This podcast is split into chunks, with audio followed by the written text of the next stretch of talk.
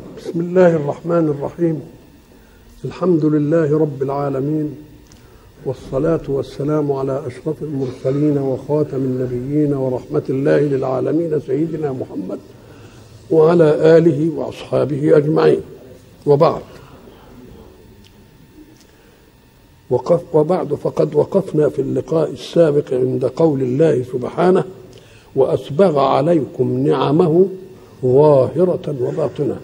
وقلنا أسبغ أي أتمها إتماما يستوعب كل حركة حياتكم ويمدكم دائما بمقومات هذه الحياة بقاء الإنسان وبقاء النوع. كل دي ما فيش بقى في حاجة ناقصة. ليه؟ لأن الذي خلق يعلم كل ما يحتاجه من خلقه. وإذا كنا نرى قصورا في شيء فالقصور في أننا لم نستنبط. إما أننا كسلنا فلم نستنبط أو جد أو جدينا واستنبطنا ولكن شحينا بما استنبطنا. ولذلك تجد آفة العصر الحديث في العالم كله قوم متأخرون لأنهم كسلوا عن الاستنباط. وقوم لم يكسلوا بل جدوا في الاستنباط ولكنهم ظنوا بثمرات جدهم على الغير. وربما أخذوا ثمرات ما استنبطوا وألقوها في البحر أو أتلفوها. يبقى آفة العالم كله في إيه؟ في إن مش ما فيش ما فيش لا فيه بس أنت ما جددتش في أن تستنبط. أو شحت نفسك بما استنبطت. ولذلك يوجد ما في العالم من خلل. الحق سبحانه وتعالى حين يقول وأسبغ عليكم نعمه ظاهرة ما تقدرش تنكروها. هل تنكرون أنه خلقكم وخلق لكم أزواج ومنها تتناسلون؟ هل تنكرون أنه خلق السماوات بما فيها من الكواكب اللي بتضيء لنا وتدي لنا مش عارف إيه؟ الليل والنهار منامكم بالليل. الله. ومن آياته أنك ترى الأرض خاشعة فإذا أنزلنا عليها الماء اهتزت وربت وأنبتت من كل زوج بهيج. الله. تنكر دي دي نعم ظاهرة. وفي نفسك أتنكر أن الله أمدك بحواس لكل حاسة مجالها عشان تجتمع مجالات الحواس وتؤدي لك مهمة الوجود كله. أمدك بحتتين زي الإزاز كده شبههم إيه الحكاية دي؟ وأمدك بلسان يتكلم. وأمدك بلسان يذوق. وأمدك بانامل تلمس وتدرك الأشياء. تقول دي نعمة ودي خشنة. لا دي أنعم. دي إيه اللي خلاك تعرف دي أنعم ودي أنعم؟ وإحنا قلنا لما تدخل على محل قماش تشتري قماش تقوم تجيب القماش بين اناملك تقول لا ده تخين شوية. ده أرق. طب بأي شيء أدركت إن ده تخين وده كده؟ باناملك دي؟ الله إيه إيه الإحساس دي؟ طب تشم الريحة. طب إزاي تشمها؟ ومن العجيب إنها بعد ما الأشياء تفوت منطقة الذوق يستوي المالح ويستوي الحيل ويستوي الحار ويستوي الشطة كل قد بعضها. بس تجاوز الإيه؟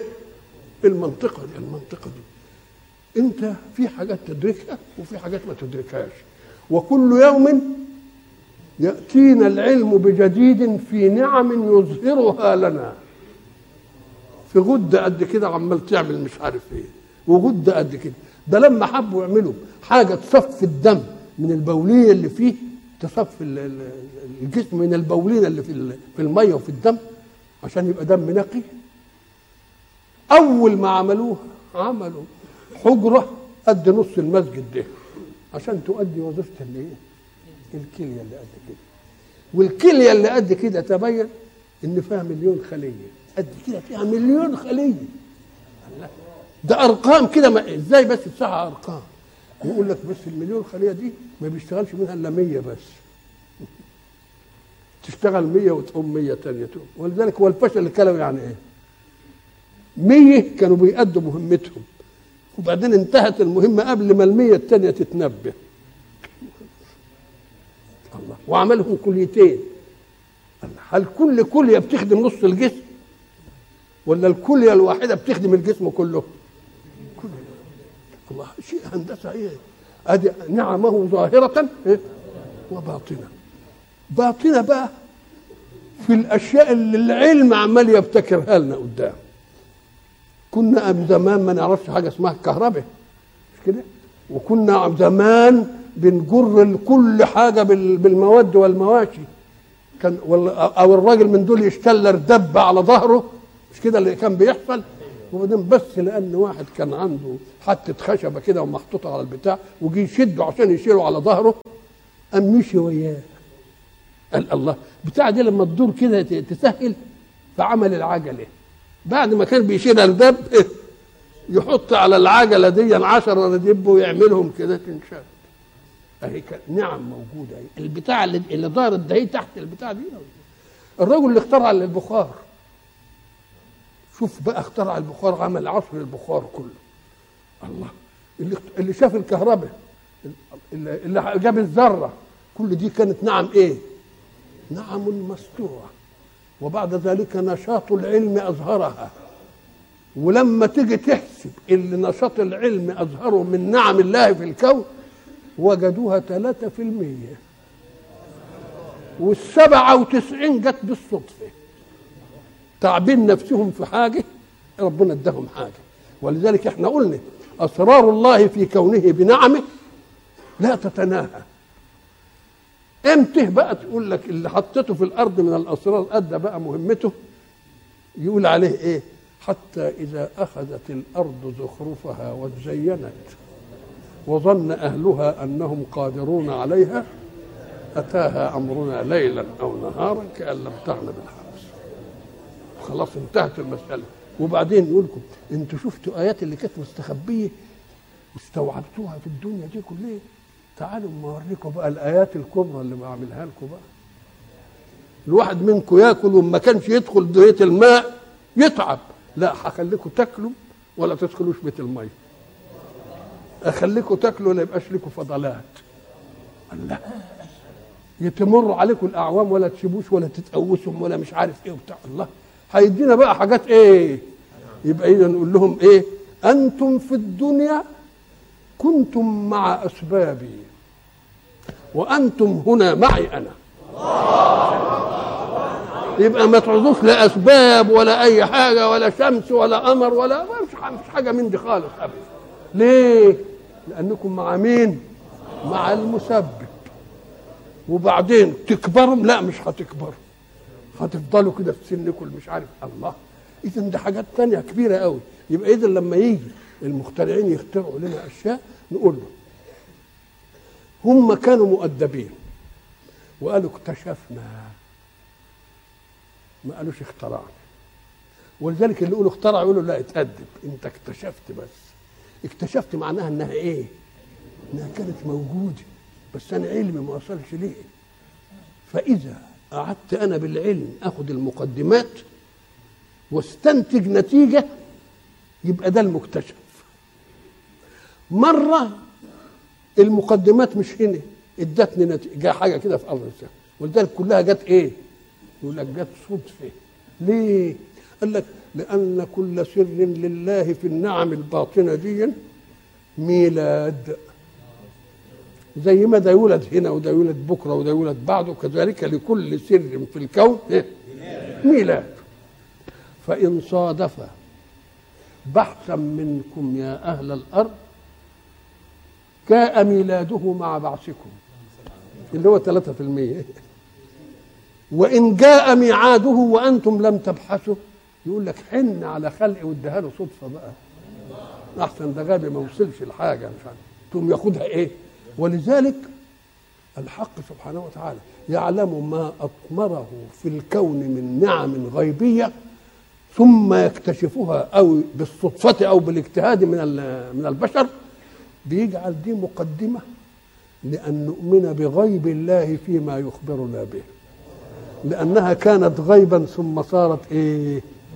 فإذا حدثنا بقى إن فيه غيب نقول إيه؟ ما هو كانت غيبة إيه جت أهي يبقى أنا اللي مش عارف. ولذلك فيه فرق بين غيب له ميلاد إما باجتهاد البشر في المقدمات ليصلوا إلى النتائج وإما بأن نصادف ميلاد السر مع الله فيديها لهم صدفة حنان منه كده ورحمة. نقول له طيب تعالى بقى. ودي ليه؟ قال لك عشان إذا حدثت بغيب مش موجود دلوقتي يبقوا يصدقوني. لأن كان فيه غيب ووجد لهم بقى محسوس. يبقى إذا الحق سبحانه وتعالى في النوع الأول يقول ولا يحيطون بشيء من علمه إلا بما شاء. شاء أن يوجد هذا الغيب كان في علم الله ومطمور في كونه وبعدين شاء أن يظهر. فإن صادف بحثا يجي ويا البحث. ما صادفش يجي إيه؟ بدليل أنه نسب إحاطة العلم لهم. قال ولا يحيطون بشيء من علمه أما العلم الثاني اللي ما حدش يوصل له لا له مقدمات.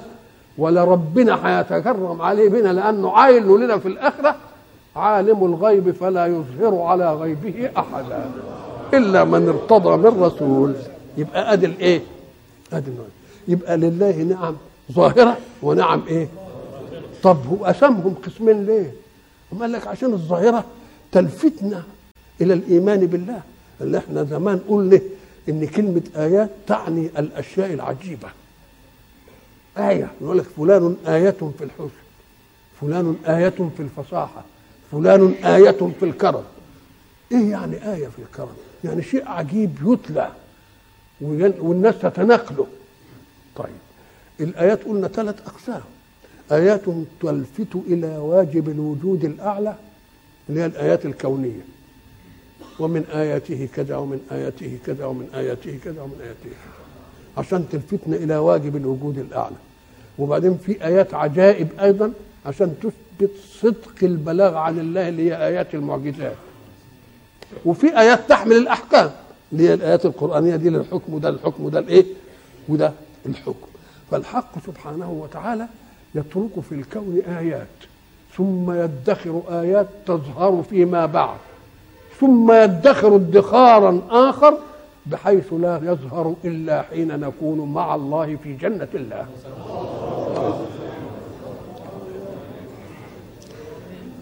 العلماء بقى يمسكوا بقى النعم الظاهرة ويقعدوا يعددوها والنعم الباطنة ويعددوها يقول لك نعم ظاهرة. انت لما تكون بتجاهد في سبيل الله انت بتعد إيه؟ بتعد ناس فتوات في الإيمان وبتعد لهم سيوف وبتعد لهم خيل يركبوه ها؟ عشان تنصر الدعوة. مش كده؟ وبعدين انت عملت اللي عليك وهو يؤيدكم بجنود لم تروها. إذ يوحي ربك إلى الملائكة أني معكم. مش كده ولا لا؟ آه. وانتوا روحوا بقى ساعدوا يبقى في آيات ظاهرة اللي من إيه؟ اللي بنعملها. وآيات باطنة تانية. آيات ظاهرة ما تعطيه لنا الدنيا. وآيات باطنة اللي ربنا قايل والرسول صلى الله عليه وسلم أحب أن يبين لنا أعظم آيات الغيب في الكون. إيه هي آية الغيب اللي في الكون؟ فقال صلى الله عليه وسلم للمؤمن ثلاثة. هي له وليست له يعني مش من عمله. أما الأولى يعني أول آية من الآيات أن المؤمنين يصلون عليه. مش بتاعته دي جاية له كده من الناس وأما الثانية فلأن الله جعل له ثلث ماله. يوصي به ما يسيبوش للورثة يعني. جعل له مع إن كان المنطق أن تستفدت بمالك حي فإذا ما انتهيت يبقى مالكش حاجة. يبقى المال يروح لمين؟ لربنا يصرفه بالميراث اللي عامله. إنما أباح لك ثلث المال. وهو مش لك. ليه؟ لتكفر به عن سيئاتك وتطهر بها ذنوبك. وإيه الثالثه يا سيدنا بقى اللي هي وأن الله ستر مساويك عن خلقه. ولو فضحك بها لنبذك أهلك وأحبابك وأقربوك. يبقى لما تيجي بقى تشوف الغيب المستور هو إيه؟ حجب الغيب عن خلق الله. وخير أي واحد منا كده نقول له أتحب أن تعرف غيب الناس ويعرفون غيبك؟ ما يرضاش. ولذلك يجي الرسول في حتة تانية يقول عشان تعرفوا نعمة ستر هذا عندكم إيه؟ لو تكاشفتم ما تدافنتم. تكاشفتم يعني كل واحد عرف اللي في قلب الثاني ما تدافنتم يبقى يموت كده ما يلاقيش حد يدفنه. كان بيقول عليا كذا وعلى كذا. سيبوا للكلاب تاكله هو يستاهل الله. لو تكاشفتم إيه؟ ستر الغيب هذا عمل إيه في الكون؟ ساعة الإنسان ما يموت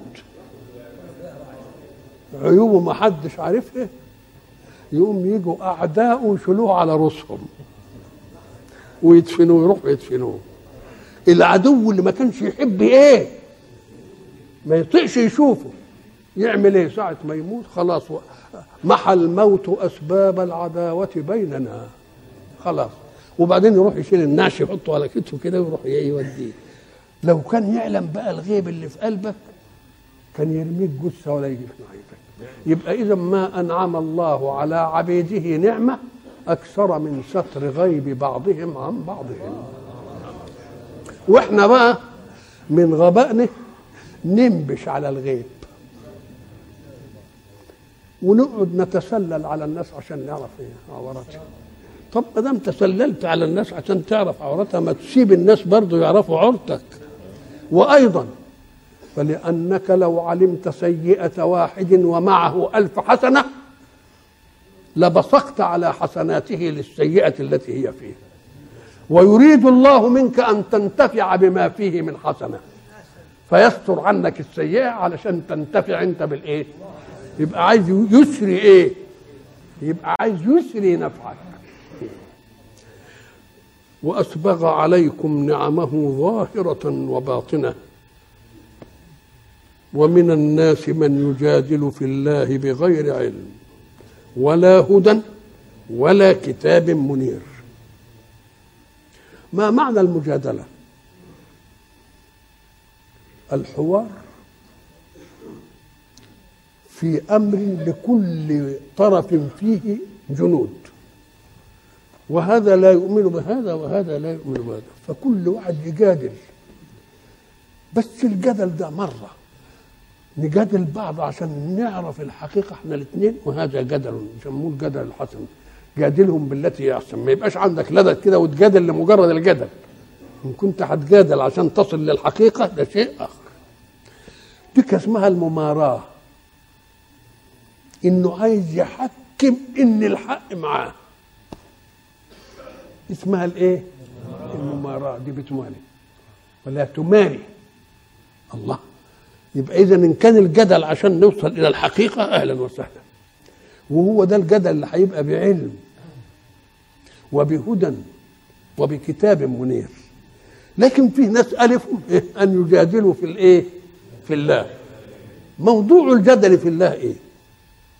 أفيه إله موجود ولا مش موجود؟ هذا واحد. وإن كان موجودا أهو واحد أم متعدد؟ وإن كان موجود متعدد يعلم الجزئيات ولا الكليات ولا هو بس يعمل الكليات. وبيزاوي الملك كل وقت ولا هو خلى النواميس والقوانين تعمل خلقها وخلاها تعمل. وساب الناموس تعمل.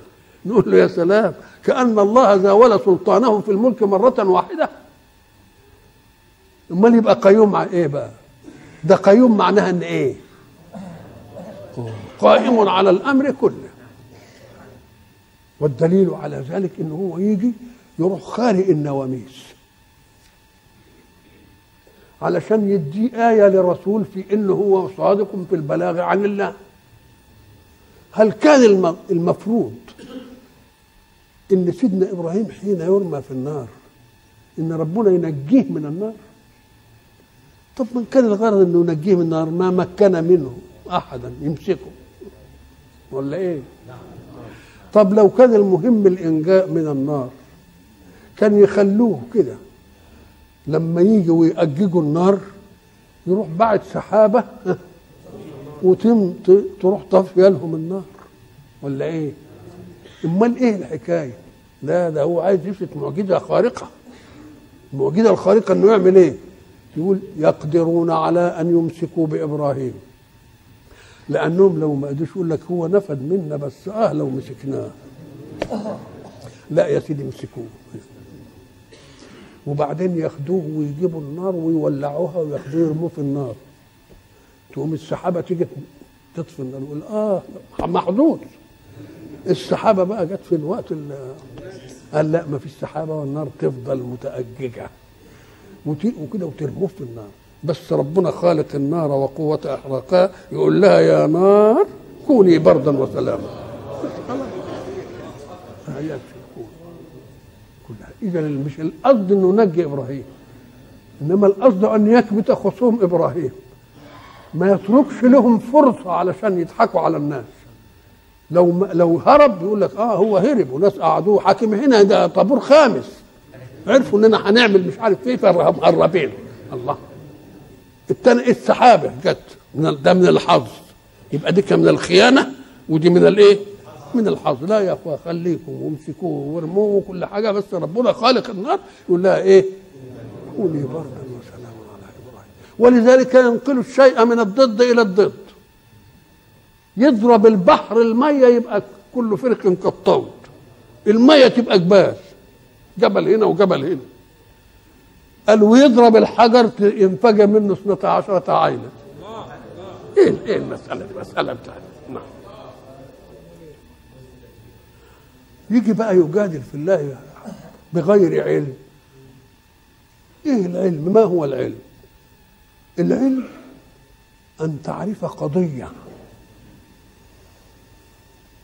هذه القضية تجزم به ولما نيجي نشوفها واقعه ولا مش واقعة نلاقيها واقعة. وتقول لي دلل عليها أدلل لك عليها. يبقى العلم هو إيه بقى؟ قضية مجزوم بها أنت جازم بها. وجزمك في محله لأنها واقعة. وتستطيع أن تدلل عليها والدليل عليها كذا وكذا بقى علم. طب إن كانت القضية أنت جازم به ولهش واقعه مش حاصله يعني. يقول لك أهو ده الجهل بقى. يبقى الجهل مش إنك ما تعرفش. أن تعرفها غير واقع. قضية غير واقعة. ولذلك الأم ما يعرفش. إنما الجاهل يعرف قضية معكوسة. يبقى الجاهل يتعب ولا الأمي ليه؟ لأنه عنده قضية باطلة. وانت عايز تطلع منه القضية الباطلة عشان تدخل له قضية؟ لكن الأم تقول له القضية لما ما عندوش مش مشغول بقضية تانية. طيب يبقى العلم بقى علشان بغير علم عشان العلم أن أن تعرف قضية وتجذب بها والقضية واقعة. وتستطيع أن تدلل عليها.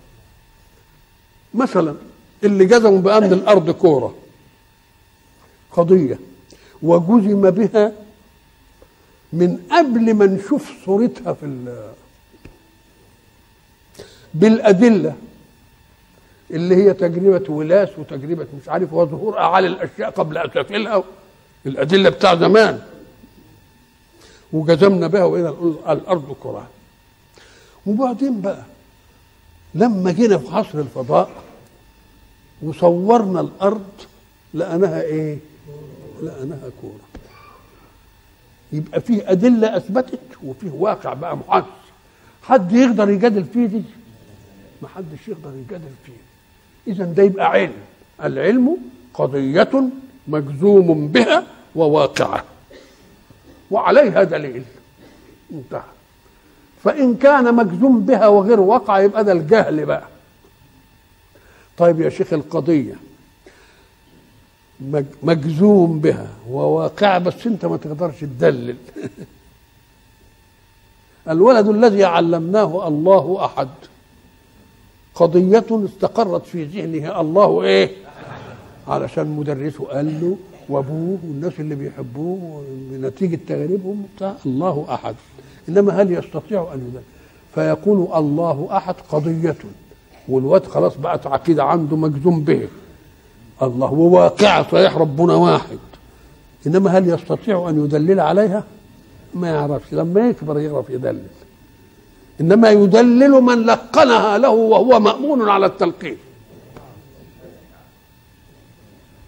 يبقى اذا القضية العلمية لازم تكون قضية مجزوم بها عند قائلها وواقعة يعني الجزم ده صح موافق للواقع وتستطيع أن تدلل عليها. يبقى ده العلم. العلم بقى له أنواع. في علم اسمه العلم البدهي. بدهي يعني بالبديهة كده مش عايز إلا ساعة ما يقولوا فلان مريض وبيحتضر وروحوا شوفوه وبعدين نروح نلاقيه بيتنفس. نقوم نعلم بالبداهة إنه لسه إيه؟ إنه لسه حي. مش عايزه حاجة يبقى بالبداهة. الواحد نصف الاثنين. دي أنا عايزة دليل؟ مش عايزة دليل. واحد نصف الاثنين. الله. يبقى دي اسمه علم إيه؟ بدهي وإذا نظرت إلى معلومات الأرض كلها تجد أم هذه المعلومات البديهة. أنتوا طبعا منكم اللي درس هندسة وعرف النظرية الأولى والنظرية المية والنظرية الميتين وحسب بقى عمره العقلي وحسب سنته الدراسية. لما جينا ندلل على النظرية الأولى إن لو التقى مستقيم كده مستقيم آخر يوم يعمل زاويتين إيه؟ قائمتين. وحب إيه يدلل عليه؟ طب الدليل عليها إيه؟ قال لك بديهيه بليفير وبعدين القضية اللي خدناها من البديهية استعملناها مقدمة في إثبات الثانية والثانيه في الثالثه والثالثه في الرابعة والرابعة في الخامسه يبقى لما تيجي للنظرية 100 على فرض إنهم 100 نظرية يبقى جت منين؟ إيه؟ من النظرية 90 و90 جت من 80 و80 جت من 70 و70 ولا مش عارف إيه لحد ما انتهت إلى إيه؟ إلى أمر بديهي في الكون.